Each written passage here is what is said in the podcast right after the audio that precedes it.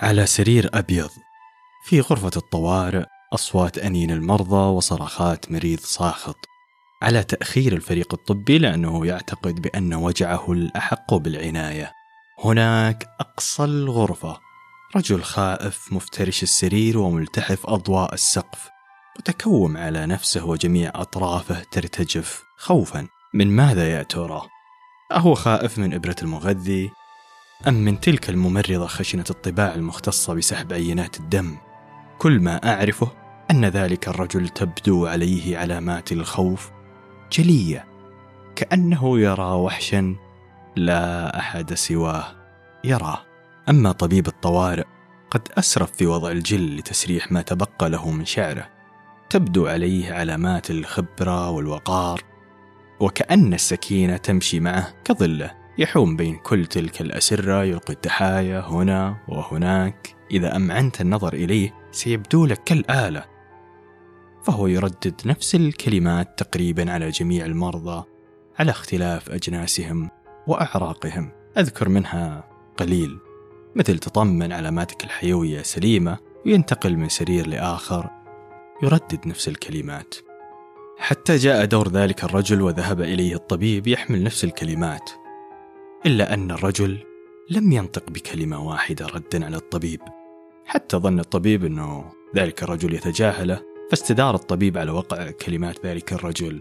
دكتور أنا خايف أنا خايف. عاد الطبيب للمريض واعتلت وجه الطبيب ابتسامة دافئة. من إيش خايف؟ ثم أغلق الطبيب الستارة ليضفي نوع من الخصوصية علها تساهم في مساعدة المريض على التحدث. كان المشهد يحثني على الفضول. اقتربت من السرير المريض لأسترق السمع وأشبع فضولي لأن المريض كانت علامات الخوف من وجهه تكاد تنطق. لما تمعن النظر له راح توصل ليقين أنه يشوف شيء ما في أحد غيره يشوفه وأعطيت سمعي كله لهذاك المريض. غرفة الطوارئ تضج بأصوات الأجهزة وكلام الأطباء والمرضى إلا أني قدرت أسمع حكي المريض للدكتور واللي ابتداه بأنا خايف يا دكتور خايف ما أعرف من إيش بس خايف. أرجف وأحس قلبي بيطلع من مكانه. نبضات قلبي تسارعت بشكل مفاجئ. رد الدكتور على المريض. لحظة لحظة لحظة. قول لي من متى بدت الأعراض؟ وكيف؟ لحظة صمت سادت في المكان.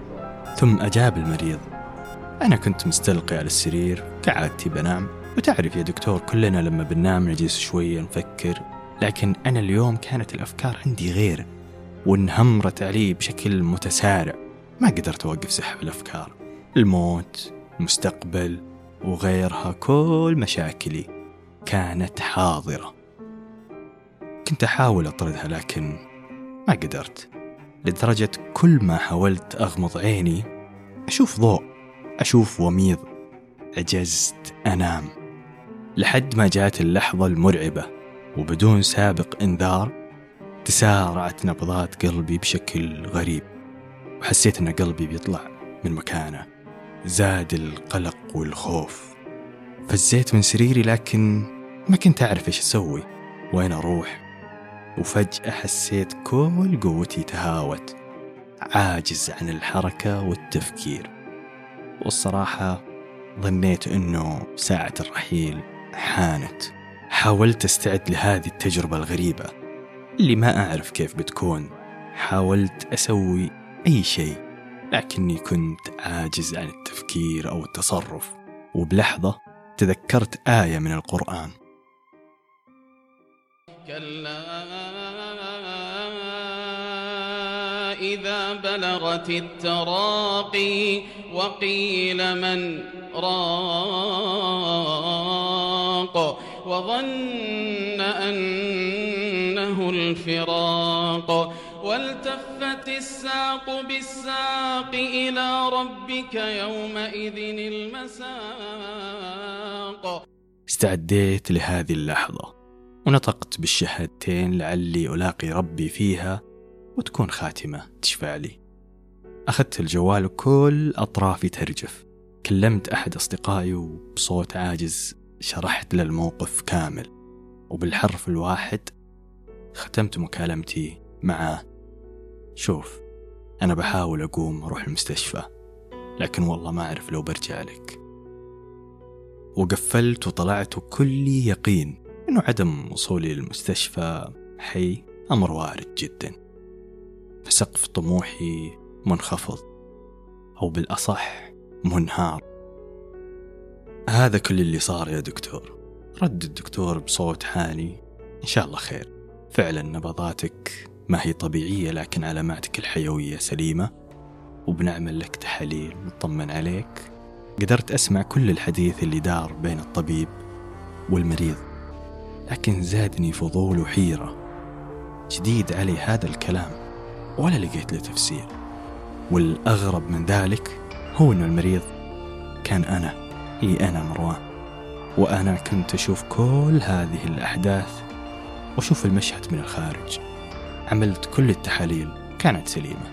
والطبيب رجع يحاول يطمني وأنه كل اللي حدث ما هو إلا توتر أو نوبة هلع. ما كنت أعرف إيش هي نوبة الهلع. خرجت من المستشفى الساعة الخامسة صباحا. أحمل معي من الخوف. ما أحمله. رغم أنه نبضات قلبي رجعت طبيعية إلا أنه المشهد كان يتكرر علي. وهذا اللي كان يزيد الخوف أكثر وأكثر. ما كان كلام الطبيب مقنع لي. إيش نوبات الهلع هذه؟ كنت أردد بيني وبين نفسي. ناس تقول بالمثل الدارج شافت الموت. لكن أنت يا مروان ذقت الموت. بعد خروجي من المستشفى والخوف معي ما قدرت أنام كل ما أغلقت عيني شفت المشهد يتكرر علي ويزيد خوفي لا ترجع هذه الحالة الغريبة. لحد ما نعست ونمت والمساء طلعت بمحاولة بائسة أرجع للحياة بشكل طبيعي. ولكن بدون سابق إنذار باغتني الخوف من جديد. توجهت لمستشفى ثاني وأحمل معي أوراق تحاليل تخطيط قلب. أتصور بهذيك المرحلة لو الطبيب شخصني بأسوأ الأمراض بيكون أفضل من المعاناة بهذه الطريقة. ولكن لحسن الحظ ذكر الطبيب الثاني نفس كلام الأول وما كان للأسف رأي طبيبين كفيل بأنه يقنعني. المستشفى اللي كثير من الناس يتصورون أنه مستشفى مجانين مختلين عقليا وأنه دخول مستشفى مثل هذا يلحقك بالعار. ما راح تتزوج أو تتوظف لحسن الحظ أنا ما كنت من هذه الناس. رحت المستشفى كأي مستشفى آخر. للأسف اكتفت طبيبة الطوارئ بصرف خمس حبات منومة. قضيت خمسة أيام مرعوب. لا أهدأ إلا بتلك الحبوب المنومة. كل ما نقصت حبة زاد قلقي أكثر. كنت أحاول الخلاص. كانت أيام مليئة بالرعب والخوف ومليئة بنوبات الرعب أو الهلع زي ما يقولون. وفي أحد تلك الأيام في تمام الساعة الرابعة صباحا باغتني الهلع بشكل عنيف خرجت من البيت بشكل سريع أجري بالشارع دون تفكير. كنت أسابق الهلع وأسابق نبضات قلبي المتسارعة لكن دون وجهة رغم أني ما كنت لابس لباس مناسب للخروج لكن بلحظتها ما كنت مستوعب أي شيء. حتى استوعبت أنه أنه أنا طالع بدون وجهة. توقفت واتصلت بالإسعاف وبشكل سريع وصفت له مكاني. وصل الإسعاف بوقت قصير. وعملوا فحص العلامات الحيوية إلا أنها كانت سليمة. رجعت للبيت والخوف يملأ روحي مع الحيرة. تلتها أيام تراودني أفكار انتحارية للخلاص. من هذه المعاناة لعل الموت يكون شيء أهدأ من هذا الجحيم. كنت كل ما أطلع بالسيارة تراودني فكرة الاصطدام بالحواجز الإسمنتية. ينتهي كل شيء بشكل سريع. كنت أتخيل مشهد الحادث وأتراجع بكل مرة عن هذه الفكرة.